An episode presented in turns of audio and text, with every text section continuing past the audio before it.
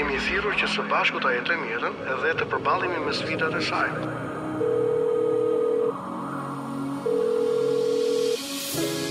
Unë jam pastor Akil Pano. Në Top Albania Radio vjen një program i folur për njeriun, familjen, shoqërinë. Është dita e tetë. Drejt shërimit dhe shpresës. Për ju që ndiheni vetëm dhe të izoluar. Nuk jeni vetëm.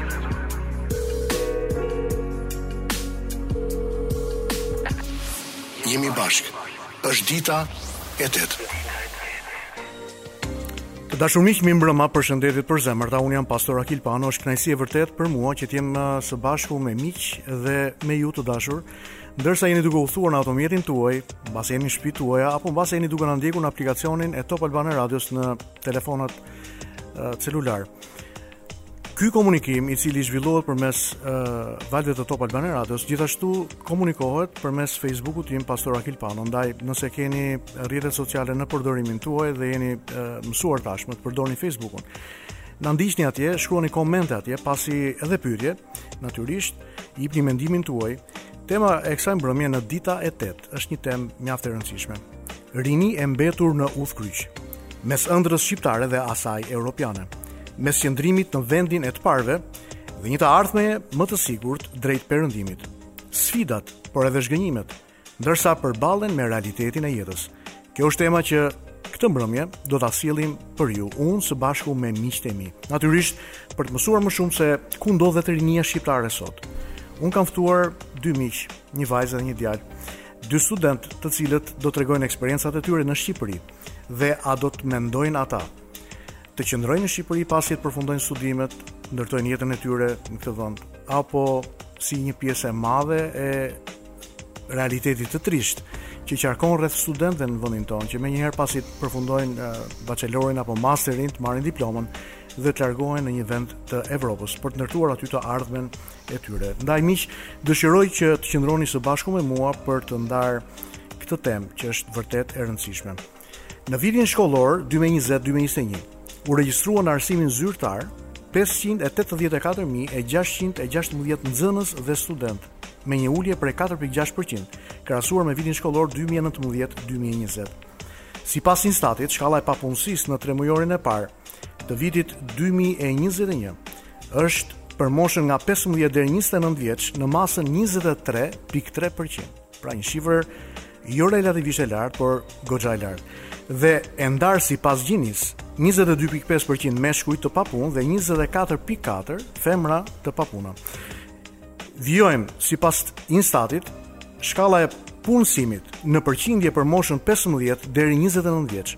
Pra këtu brenda hyn dhe fasha e studentëve, Për tremujorin e parë të vitit dy mijë e njëzet e një është tridhjetë e tetë pikë nëntë për qind, nga ku meshkuj të punësuar rezultojnë dyzet e pesë pikë dy për qind dhe femra tridhjetë e dy pikë pesë për qind. Këtë mbrëmje unë dëshiroj menjëherë pa pa humbur kohë të prezantoj për ju të dashur miq që jeni duke na ndjekur në valët e Top Albania Radios. Dy të ftuarit e mi të kësaj mbrëmje do të shpenzojmë uh, gjithë minutat e këtij programi, pasi në fakt unë kam zgjedhur vetëm të bëj pyetje, mbase të moderoj disi. Nuk do të ketë monolog nga Naime sot, nuk do të ketë shumë mendime të dhëna nga Naime. Kjo hapësirë sot i dedikohet studentit. Kjo hapësirë sot i dedikohet uh, asaj klithme, të cilën hera herës e kemi dëgjuar na ka bërë përshtypje, na ka tërhequr vëmendjen. E kemi parë të dalë përmes shesheve më të mëdha në vendin tonë. Studentë të cilët kërkojnë edhe i bëjnë apel shoqërisë, i bëjnë apel qeverisë, i bëjnë apel vendit dhe institucioneve vendimmarrëse për të drejtat e tyre. Në fakt sot më lejoni që t'ju prezantoj Borisin, Boris Alibeja, 21 vjeç Boris, mirë se vjen. Përshëndetje pastor, faleminderit për ftesën e vlerësoj shumë edhe është një privilegj i madh për ne që të jemi këtu në Top Albania Radio me ju, personalisht me ju. Edhe e marr me përgjegjësi fjalën të them që ë studentët kanë nevojë të ngrenë zërin e tyre dhe jo vetëm si student, por si një rini e cila për të ndërtuar të ardhmen duhet të ndërtohet dhe që të ndërtohet duhet të ketë nevojë edhe për mbështetje sidomos nga persona ë që kanë vlera dhe ne duhet të ndërtojmë një të tërë. Faleminderit shumë Boris. Ju keni lindur në qytetin e Beratit. Keni jetuar aty deri në përfundimin e shkollës së mesme. Pra nuk jeni Tironës. E saktë, e vërtetë. Keni menuar më po Tironës? Ë Pra ideja do të riktheheni në Berat pasi përfundoni bachelorin apo mendoni që të jetoni në Tiranë? nuk e kam menduar realisht, ë kjo varet n- ndaj përkushtimit që kam për vendin tim edhe përkundrejt interesave të mia. Okej. Tani ju vijoni studimet në vitin e dytë për inxhinieri elektronike në Universitetin e Tiranës. Do të kthehemi edhe njëherë me bisedën së bashku, por okej, lejo që të prezantoj uh, zonjushën që kemi këtu të ftuar, Ervisa Shehu, ju jeni 22 vjeç, me origjinë nga Dibra, jetoni në Tiranë, mirë se vini. Faleminderit shumë për ftesën, është shumë kënaqësi të jem këtu. Jam shumë i kënaqur dhe vërtet i gëzuar që jeni së bashku me mua dhe Borisin për të ndërtuar këtë bisedë shpresoj vlerore dhe do të jetë një mundësi që në fund të këtij programi ju të përcillni një mesazh për gjithë bashkëmoshatarët tuaj, studentët, të cilët janë të punësuar part-time, full-time, vijojnë uh, duke dhënë provime pasi uh, këto javë janë javët e, e, e fundit të provimeve në universitete. Jeni aktualisht keni përfunduar për shkenca politike në Fakultetin e Shkencave Sociale. Po. Nuk të kam njohur atje, pasi unë jam jap mësim me kohë të pjesshme, filozofi tek shkencat sociale. Aktualisht punoni tek organizata Bashkimi i Prodhuesve Shqiptarë. Do të kthehemi menjëherë, por më lejoni që ta nis bisedën me Borisin. Boris, ke zgjedhur të studiosh për inxhinieri elektronike, ka qenë preferenca jote, e babait, e mamasë, apo një zgjedhje e detyruar për të vazhduar universitetin? Kryesisht ka qenë një preferencë ime personale, bazuar në disa kushte, por që uh, lavdi Zotit prindërit nuk më kanë privuar drejt zgjedhjes time për universitetin. Tani ku ta di, mund të më kishin privuar po zgjidhja shkenca politike duke qenë se edhe kam qenë i mirë në shkenca sociale edhe. Vite më parë elektronika, pra si degë ka qenë shumë e preferueshme. Bashkëshortja ime ka qenë me rezultate të shkëlqyera në në shkollë të mesme. Por mbështetja e saj politike në kohën e regjimit komunist nuk ishte ajo që pritej dhe nuk fitoi degën elektronike, por fitoi degën elektrike. Pra është inxhiniere elektrike. Edhe gjithmonë më thoshte që të privilegjuarit zgjidheshin gjithnjë që të hynin tek dega e elektronikës. Shpresoj që ti e shikon veten të privilegjuar në universitet. Absolutisht që e shoh veten të privilegjuar dhe duhet që të jap maksimumin në këtë degë. Në fakt e kam zgjedhur për shkak se kam dashur ta zotëroj. Po mendon që ka hapësira punësimi për një inxhinier elektronik? Po, po ka ka goxha. Ka edhe në Shqipëri hapësira punësimi pasi kemi kompani të huaja që uh, vijojnë të mhm. investojnë në Shqipëri. Kompani të huaja.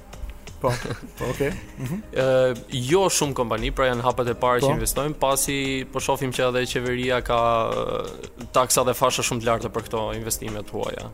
Okej. Okay. Dhe do doje që të tërhiqnim më shumë investime të huaja, uh, sidomos në fushën e elektronikës edhe të zhvillimit, pse jo. Ervisa ju nga ana juaj keni mbaruar bachelorin, natyrisht për shkenca politike, pra pak a shumë një degë shumë e profilizuar, më e ngushtë, Si janë hapësirat e punësimit në degën tuaj? Ë uh, në fakt, ë uh, gjithmonë kur përgjigjem që unë kam zgjedhur të studioj shkenca politike, më thonë pse? Po të studesh. Po. Ndërkohë që ë uh, shkenca politike është një degë aq shumë e bukur, po, po aq shumë e vështirë sepse në vetvete është shumë shumë e përgjithshme. ka shumë ka shumë elementë brenda saj. Kur fillove bachelorin, edhe fillove edhe vit parë, edhe mbase edhe në fillim të vitit dytë. Mendoje që do të bëheshe politikane, mendoje që do të bëheshe pedagoge, mendoje që do të merreshe me diplomaci, pra këto të paktën këto tre hapësira. Ku mendoje që do ta profilizoje veten? Pas Baçelor. Të jem e sinqertë e shikoja politikane. Por duke njohur. Uh, sepse isha rritur me idenë ose të paktën uh, nga libra që unë kisha lexuar, sepse më të vogla ishim të mbyllura brenda po. brenda librave që lexonim që uh, kur je në politik ti ke pushtetin që të ndihmosh shumë njerëz. Domethënë një njeri vetëm ndihmon shumë të tjerë. Ke mundësi që të ndryshosh botën. E vërtetë. Ë, uh, por duke parë realitetin në Shqipëri, po për, uh, për para realitetit, pra ti hyre në universitet me një ëndërr apo jo? Po, patjetër. Me një ëndërr që ti në fund të investimit të këtyre 3 apo 4 viteve, ti do të kishe mundësi që të sillje një ndryshim sado të vogël në jetët e qytetarëve të tu. Vijojmë bisedën tonë me Borisin dhe Ervisën. Ervisa, ju keni mbaruar në fakt bachelorin, Edhe tashmë jeni duke punuar, jeni në tregun e punës. A pritët të mbaronit studimet për të nisur punën apo në fakt ë ashtu sikundër edhe një pjesë e mirë e studentëve që unë njoh në universitet, ndërsa vijojnë studimet me shumë përpjekje, me shumë mundime, përpiqen të gjejnë një punë, të mbështesin veten e tyre ekonomikisht, pasi ë mbështetja familjare është është e pamjaftueshme për ta, për të bërë jetën e një studenti në Tiranë. Si ka qenë udhëtimi juaj si student e vitit parë kur erdhët në Tiranë nga Dibra? Uh, udhëtimi im ka qenë uh, shumë i rrezikshëm, shumë i vështirë, me plot sfida. Mbase ato që më dëgjojnë thonë po, si i rrezikshëm. Por duke pasur parasysh se si është jetesa në Dibër, si është mënyra e arsimimi dhe çdo gjë tjetër dhe të vish të fillosh arsimin e lartë në Tiranë, uh, bëhet fjalë në 2016 kur jam transferuar unë ishte goxha e vështirë. Dhe dua të shtoj faktin që unë nuk nuk e kisha mbështetjen e prindërve sepse aktualisht ishim uh, në atë moment ishim pa punë. Pra ekonomikisht familja e kishte të pamundur që t'ju mbështesë. Sigurisht, ishte dëshira ime që të vazhdoja studimet dhe mos i ndërprisja në asnjë moment. Sa ka qenë më fal, sa ka qenë pagesa vjetore e shkollës? Ë uh, ka qenë uh, 40000 lekë të reja. Okej. Domethënë 400000 lekë. Që Pra kjo është pagesa vjetore për një student po. e bachelorit në vitin 2016. Po, po. Në vit të parë në Tiranë, në tek shkencat sociale, pra në universitetin publik, po. shtetëror. Ndërkohë, sa i duhet një studenti minimalisht për të jetuar në Tiranë? Sa të ardhura duan? Mujore. Uh, minimalisht uh, mund të them që duhen më shumë se 400.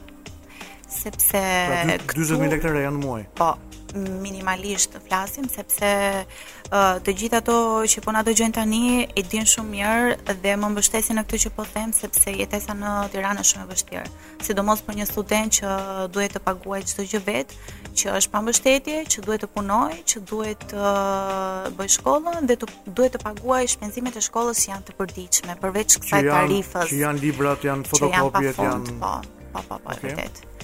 Pra vet e vetme në Tiranë, e vetme në këtë botë, është sikur vjen se gjatë kohës së publicitetit ne po diskutonim, është sikur dikush të shkojë nga Shqipëria, të shkojë në Manhattan thatë ju. Po, po, shumë e vërtetë, është pikërisht kjo. Ë uh, ishte shumë e vështirë, ishte e lodhshme sepse isha pa mbështetje dhe duhet të gjeja një mënyrë që unë të të vazhdoja rrugën që doja të nisja. Ë uh, u përpoqa shumë që të gjej një punë Edhe kjo ishte e vështirë sepse unë vija nga bankat e gjimnazit po, dhe mm -hmm. uh, sigurisht që këtu kërkohet eksperienca. Po ku u drejtove për të gjetë një punë? Kudo? Kudo kërko, u u drejtova, dhe u përpoqa. Dhe është e mundur për një student të vitit të parë, uh, ndërkohë që përballet me kërkesat e e universitetit për të qenë në përpara katedrës, për të qenë në auditore, është e mundur që të, të punojë gjithashtu? pavarësisht se realiteti në Shqipëri është shumë i vështirë, them të drejtën, ë uh, është e mundur. Mm -hmm. Është e mundur. Nëse një njeri thotë po flasim një student bashkëmoshatar imi apo qoftë dhe më i vogël, drejtohet kudo dhe thotë apo lutet, ta themi rëndom, lutet për një punë, uh, jam e sigurt që i hapin dyert të gjithë. Pra ju ju nisët të punoni. Po po, kërkova apo, punë. Apo më vonë, dy tre. Jo, jo, që në momentin e parë që erdha në Tiranë, që para se të filloj, mm -hmm. që para se të fillonte shkolla viti i parë. Ë, uh, ishte shumë e vështirë sepse duhej që të isha prezente në fakultet ë uh, pjesën e parë të ditës deri nga ora 2, pastaj isha direkt në punë, pastaj vazhdoja rutinën që punë shkollë. Por dëshira e madhe për të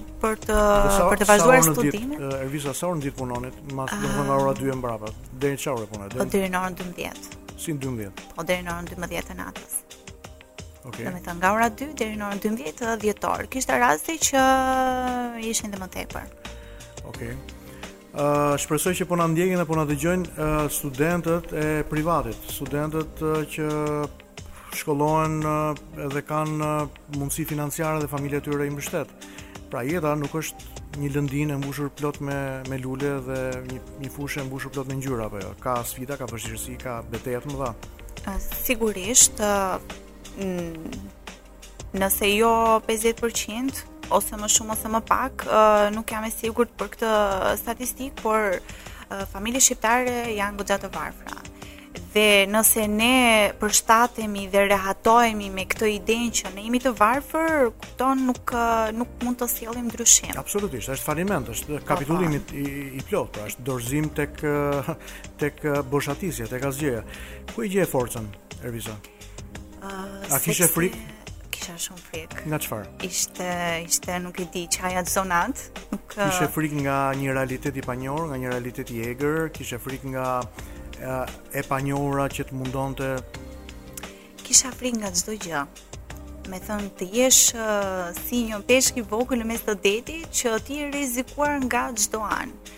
Uh, isha e tronditur nga një realitet, domethënë nga një jetë Shumë e vështirë në Tiranë. Jeta në Tiranë është është jashtëzakonisht shumë e lodhshme.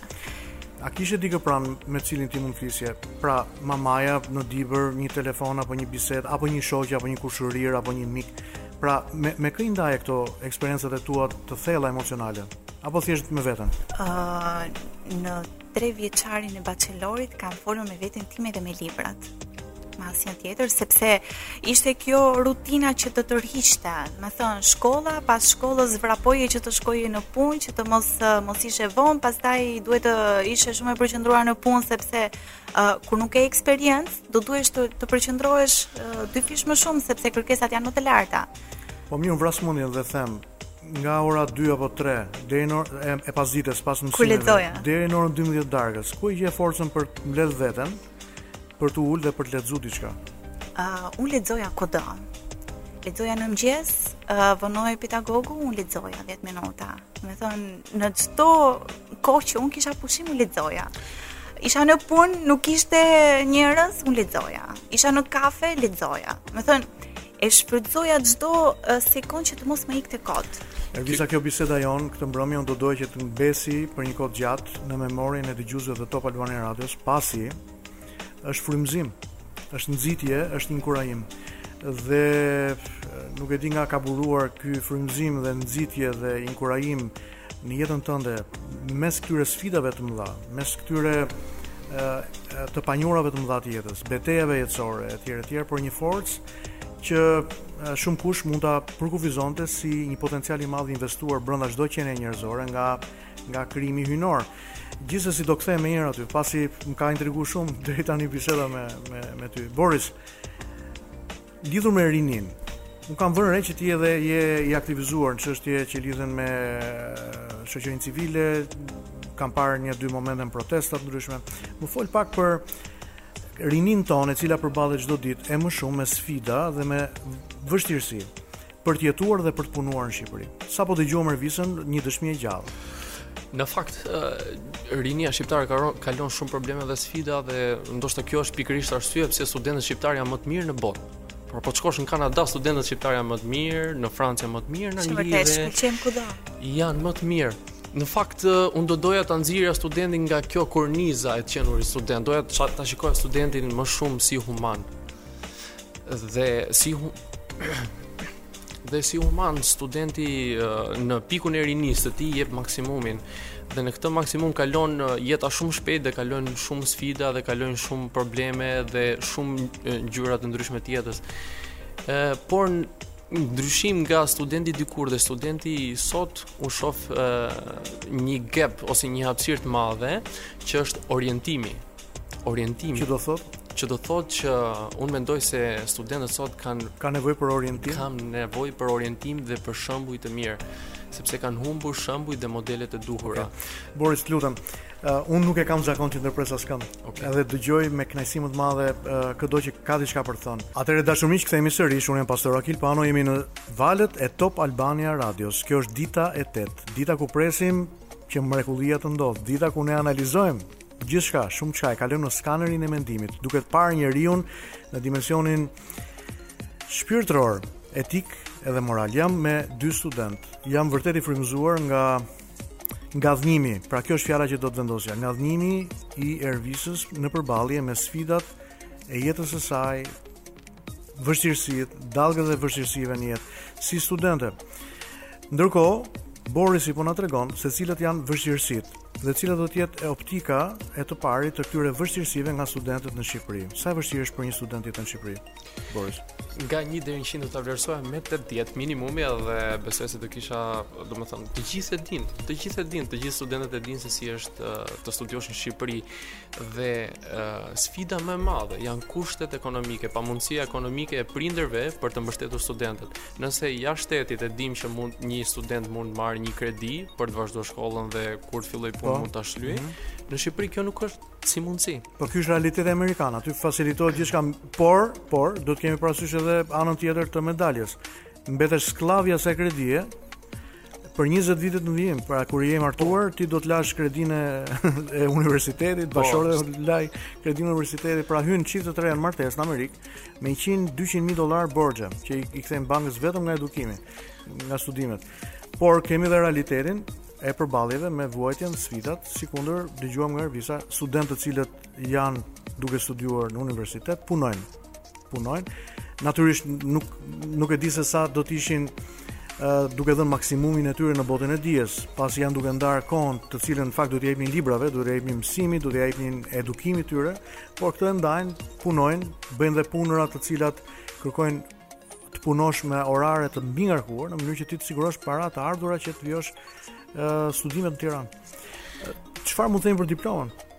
Për diplomën po thoja pastor që kurrikula që jepet në shkollë. Po. Është e vjetër edhe mos gabohem kurrikula e shkollës tonë ku jam unë tek Universiteti Politeknik i Tiranës ku janë pothuajse inxhinieritë, vazhdon të jetë kurrikula e vjetër mos gaboj ruse edhe disa të përziera të lindjes, edhe janë futur disa perëndimore dhe shoh mos një mospajtim midis pedagogëve dhe kurrikulës, pasi pedagogët po ndërrohen po vijnë të rinj dhe të rinj nuk nuk pajtohen me metodologjinë e vjetër. Me metodologjinë e vjetër, mm -hmm. përkthimi i keq i librave të huaj që bëhet nga pedagogë shqiptarë, Pra janë tre elementë që është kurrikula, po? pedagogët dhe mënyra e mësimdhënies. Këto tre nuk uh, përputhen në mënyrë të duhur që uh, mësimdhënia të jepet uh, ashtu si duhet. Ta, dhe një po? element tjetër që është shumë i mm -hmm. rëndësishëm është mungesa e laboratorëve. Sot në Universitetin Politeknik Tiranë kemi shpenzime marramëndse për ujin, kemi shpenzime marramëndse për ndërrimin e perdeve, për rojet dhe mund të jap disa shifra që i kam këtu që ka deklaruar Universiteti Politeknik i Tiranës për vitin akademik 2019-2020. Dhe të them të drejtën do tmerrohesh se. Vërtet? Po, patjetër. Pse? Pse do të do tmerrohesh? Pra janë shifra të ekzagjeruara për sa i takon idesë së shpenzimeve për sa i takon prioriteteve, pra që nuk janë duke u bërë shpenzime për, për ato që kategorizohen si prioritete numër 1, por përdoren për Në fakt, jam shumë dakord me Borisin, i njëjti problem ka qenë edhe tek Fakulteti i Shkencave Sociale. Ë të përmend vitin e fundit, vitin e tretë në bachelor, ne nuk kishim literaturë. Studionim pa literaturë në një lëndë. Si, me leksione? Ë, uh, madje leksionet ishin tek tuk të huazuara, mundoheshim që të Ëh, më saktë ishte historia e Kosovës. Po. Dhe ne nuk kishim një literaturë shqip për historinë e Kosovës. Domethënë për atë kursin e po zhvillonim, ëh, dhe nuk ke ku të drejtohesh për literaturë të jashtme sepse ishin shumë ishin shumë të cunguara, domethënë po., më mirë se ne nuk nuk mund ta shkruajmë nuk mund ta shkruajnë të tjerë historinë tonë. Pra, problemi në lidhje me literaturën, me materialet e është është shumë i theksuar. Në shkenca politike literatura është është është baza. Po. Dhe të kesh mungesë të, të librave, domethënë është është e vështirë. Nëse studentët po mundohen siç thamë që në shumë mënyra të punojnë deri diku për të për të pasur ato 2-3 orë të leksionit dhe ato 2-3 orë të mos jenë eficiente është është vërtet për të ardhur keq. Çfarë mund të themi lidhur me idenë e cilësisë në mësimdhënie përtej literaturës. Pasi literatura nuk diskutohet që është është pjesa bazë, por gjithashtu dhe pedagogu i lëndës është shumë i rëndësishëm. Ai ose do ta bëjë të dashur lëndën për studentin, ose studenti do ta urrejë një herë përgjithmonë lëndën e tij. Mbaj mend që një mësuesi im shumë i dashur i, i nëntëvjeçares më thoshte duhet që ta duash mësuesin në fillim, pastaj ta dashurosh lëndën. Dhe kjo mendoj që duhet, duhet të jetë në çdo fazë të arsimit. është pa dashur të gjykoj mësuesit e rinj, sepse nëse nuk je fillestar nuk do bëhesh kurrë profesionist, uh, është shumë e mangët cilësia e mësimdhënies. Po, ta them më, më konkretisht, domethënë, të flasësh për marrëdhënie ndërkombëtare në shkenca politike duhet një bagazh, duhet një background shumë i madh. Dhe një mësues i ri në fillimet e tij nuk mundet që të ma përcjell mua këtë. Domethënë po është janë, shumë e vështirë. Ku, ku janë pedagogët e vjetër? Pasi një nga një nga çështjet që unë dëgjova gjatë kohës së protestave, Luftohej mediokriteti, mediokriteti në në mësimdhënie tek fasha e pedagogëve që ishin diku në moshën 5 mbi 55 vjeç, 60 vjeç. Pra ku janë pedagogët e vjetër tek marrëdhëniet ndërkombëtare? Ë, uh, mbase truri i Shqipërisë ka ikur. Okej, okay, edhe kjo edhe kjo mund të jetë realitet Boris. A okay, do të tregoja disa shifra, po oh. njëra ndër tyre është ruajtja dhe sigurimi i ndërtesave të Universitetit Politeknik dhe thotë që për një vit akademik 37 milionë lekë të reja, pra 370 milionë lekë të vjetra. Kemi pastaj aktivitete sociale që shkon diku tek 39 eh, milionë lekë të vjetra, mirëmbajtje 110 milionë lekë të vjetra, ndërrim perdesh, eh, ujë, Pra uji shkon në 33 milion lekë të vjetra. Po çfarë mund të themi për esencën? Se kështu mund ta vazhdojmë listën pa fund. Po, e... Thelbi, Thelbi në Thelbi, Thelbi, Thelbi është i universitetit është po, dija. A ka investim në në dije? thelbi është ky që tarifa që ne paguajmë nuk shkon atje ku duhet. Pra ne shkojmë në shkollë dhe nuk kemi laboratore për të studiuar lëndët përkatëse dhe për të marrë. Jo vetëm tarifa që pagoni ju, po edhe prindrit tuaj, edhe unë, edhe unë. Patjetër, pra, pra dhe paguajm taksën për arsimin. Taksën për arsimin, pra të gjitha këto. Unë nuk i kërkoj shtetit shqiptar që të bëjë prindin e madh për të birësuar uh, studentin shqiptar dhe për ta mbajtur ngrohtë. Po e bëri një herë për për 50 vjet. Por, po e bëri dhe bëri keq, edhe nuk e kërkoj ta bëjë më, por i kërkoj vetëm një gjë, ta lërë rehat studentin dhe mos t'i vjedhë lekët për të cilin ai fillimisht. Boris, unë mendoj që thelbi pra, është që studentët, studentët nuk janë aty ku duhet. Mhm. Duhet të hapen auditorët në momentin që Po kur janë, po kur auditorët janë të hapura, a janë studentët brenda në auditor përballë pedagogut me dëshirën e mirë për mbajt shënim për marr për të marrë nxën nxënje apo dije dhe për ta reflektuar këtë. Uh, Unë mendoj se apo kjo ishte një pyetje shumë e bukur sepse uh, kjo është ana tjetër e medaljes. Po. Ku janë studentët? Ku janë të rinjtë që uh, kërkojnë të drejta por nuk uh, përmbushin detyrimet e tyre? Um, është shumë e vërtetë, por uh, ato që duan vërtet të mësojnë dhe të jenë përballë pedagogut, uh, janë aty në auditor, nuk e vë në dyshim. Unë kam pas, uh, në orën time të filozofisë, kam pas uh, 20-25 persona në seminare, nga çdo klasë, që kanë qenë të rregullt. Klasa ka qenë me me 30 persona. Po po themi 20, 25 kanë qenë gjithmonë në seminar. Natyrisht, edhe brenda këtij grupi 20-25, jo të gjithë ishin ata që ishin vërtet të interesuar, pra një pjesë ishin inter interesuar që pedagogu mos merrte mungesa se seminaret janë me mungesë. Po, edhe penalizohesh përpara provimit. Gjithsesi, Boris, çfarë do të dëshiroje të bëje pasi ta mbaroje universitetin? Pasi ta mbaroj universitetin, atëherë dëshirën një milion dollarëshe. jo në fakt përpara ca kohësh u bë një testim nga një koleg aty në universitet, edhe testimi ishte ky. Pasi mbaroni universitetin, çfarë do bëni me diplomën tuaj? Pra kjo ishte pyetja e madhe. 85% e studentëve u përgjigjen duke thënë, do kërkojmë të largohemi nga Shqipëria për ta gjetur veten diku tjetër, pasi mundësitë dhe oferta e punësimit në këtë vend, nuk është ajo që ne aspirojmë. Edhe është e vërtetë, unë mendoj se problemi kryesor i studentëve shqiptarë ë pavarësisht gjitha problemeve që ata hasin gjatë procesit të marrjes së diplomës deri në përfundim të 3 viteve apo edhe 5 viteve, është që gjatë kësaj periudhe ata nuk jetojnë në Shqipëri. Mund të jetojnë fizikisht, por me mend jetojnë jashtë. Dhe pse ndodh kjo? Sepse ata nuk e shohin veten të punësuar në Shqipëri dhe nuk e shohin veten që të japin kontribut në vendin e tyre. Ti si e shikon veten? Unë e shoh vetëm Shikon jashtë apo shikon në Shqipëri? Unë e shikoj vetëm në Shqipëri. Pse? Pse ti je ndryshe nga ai 85% që është i atyre studentëve që e shikojnë vetëm jashtë? nuk mund të them se jem ndryshe, por një gjë, një element që ndoshta mund të jetë i padukshëm për tjerët, për mua është tepër i dukshëm dhe tepër qendror dhe ky është Zoti. Zoti më bën që unë të qëndroj në Shqipëri dhe t'i shërbej vendit tim, edhe t'i shërbej Zotit. Unë mendoj se rinia shqiptare ka një thirrje më të lartë sesa t'i shërbejë uh, vetes së vet edhe dëshirave të veta personale. Natyrisht ato janë uh, elementare dhe duhen, por në këto kohë të vështira rinia shqiptare duhet të kuptojë se ka një detyrë dhe një përgjegjësi për të ndërtuar të ardhme shqiptare. Nëse ne nuk e ndërtojmë të ardhme, atëherë kush do ta ndërtojë? Po. Dhe unë u tmerrova në fakt uh, kur para dy ditëve po shkoja në Berat, Pashë një autobus në tek terminali i Tiranës, po? nga i cili zbritën disa shtetas indianë. Edhe ishte plot.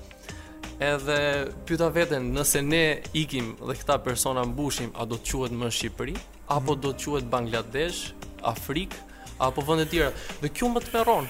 Kjo më tmerron më shumë nga gjitha. Për një gjë jemi të sigurt të Boris që do të quhet Shqipëri, po si do të jetë Shqipëria? Si do të jetë Shqipëria? Ende ne nuk e dimë lidhur me idenë e një një popullsi heterogjene, pasi sikundër bota po ndryshon me shpejtësi të madhe. Evropa nuk është më Evropa që ka qenë. Që ka qenë. Me sa duket dhe vendi ynë po ndryshon. Dhe vendi ynë po ndryshon. Dhe shumë prej nesh na dhemb, na dhemb kjo kjo pjesë, duam që bijtë tanë, nipërit tanë t'i t'i mbajmë t'i rrisim këtu. Kush është ai person që do të marrë udhëtimin e gjatë të emigracionit, largohet nga vendi, nga kujtimet, nga nga dashuritë, nga ëndrrat e mëdha të jetës. Shpresojmë, shpresojmë dhe lutemi shumë. që njerëz si ty, Ervisa, njerëz të tjerë të nisin dhe të eksplorojnë këtë dimension të jetës, botën e shpirtit, botën e idealit. Kemi shumë pak njerëz të cilët mbahen tek një ideal. Ideali më i lartë që njerëzit sot kanë është ekonomia. Pra kemi arritur të ndërtojmë njeriun në dimensionin ekonomik, në dimensionin social dhe politik, por na mungon ideali i njeriut, i cili thotë këtë që ju sapo thatë, do të qëndroj këtu, për të dhënë kontributin tim ta bëj vendin më të mirë për të jetuar për ata njerëz që unë dua, për ata njerëz që unë kam pranë. Ervisa, mendon se këto sfida nuk do të ishin nëse ju do të jetonit në Evropë, pra sfidat me të cilat ju jeni përballë. Nëse bachelorin nuk do ta bëje në Shqipëri, po do ta bëje në Evropë. Vështirësitë me të cilat u përballa nuk do t'i gjej atje. Sigurisht që në çdo vend të botës ka sfida. Okay. Nuk e vë në dyshim aspak këtë. Ëh, uh, por jo në këtë fazë uh, që janë sfidat në Shqipëri. Domethënë minimumi që unë mendoj se shteti duhet t'i garantojë, duhet t'i sigurojë një studenti, është strehimi. Thën, duhet që studenti që vjen nga fshatrat e Dibrës, që vjen nga po. fshatrat e Kukësit, mhm. nga Tropoja, nga mbarë, po, Shqipëria... Po, unë e di që ekziston qyteti i studentit. Nuk di Apo kushtet të jap në qytetin e studentit janë të papërshtatshme. një përgjigje. Qyteti i studentit është më mirë të flesh në park. Po, po pas protestës tuaj, ju keni qenë aktiviste dhe keni qenë e përfshirë në protestë, me sa unë di, po? Po, unë kam qenë një ndër uh, studentet më aktive, që luftonim shumë për këto të drejta tona, që nuk u realizuan kurrë, po, që lista me 8 mhm. pika mund të jetë bërë me 80 pika sot, uh, shikoja protestën e maturantëve me shumë keqardhje, që ishin vazhdimësi e protestës së studentëve. Tani më lejo të të pyes mbi dy pika. Po. Po. Nga tetat. E para ishte kushtet e strehimit. Po. Po. Dëgjuam që një pjesë apo të gjitha godinat janë restauruar, ka pas rikonstruksion e tjera. Ishte lyerja e fasadës, asgjë më tepër.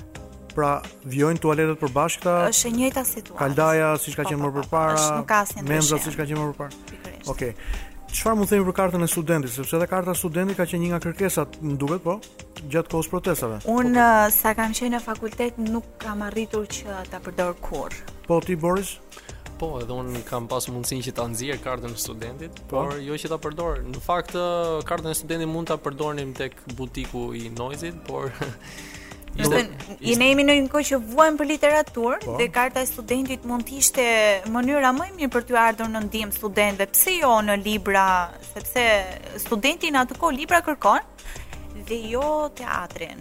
Nuk mhm. jam fare uh, kundër teatrit, por uh, mendoj që nuk është shumë primare për ne. Po mirë, teatri mund të ishte njëra nga njëri nga po. elementët që po, por uh, përfitohet përmes i... kartës së studentit.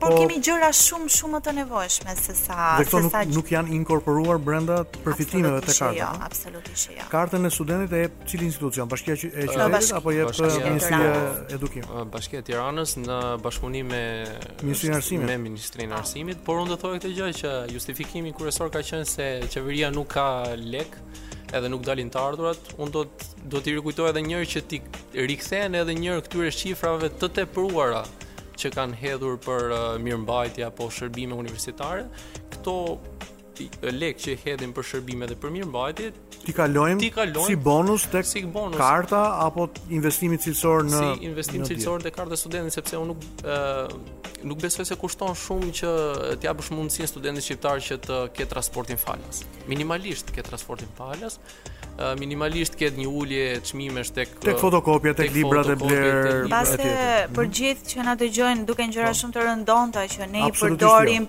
në përditë jo. përditë përditë por uh, unë mendoj që janë pikërisht këto detaje të vogla edhe sa mund të jenë gjëra të rëndomta për ata që janë external që janë të jashtëm pra dhe nuk janë brenda botës tuaj ajo çka është e rëndësishme, është fakti që ju po flisni.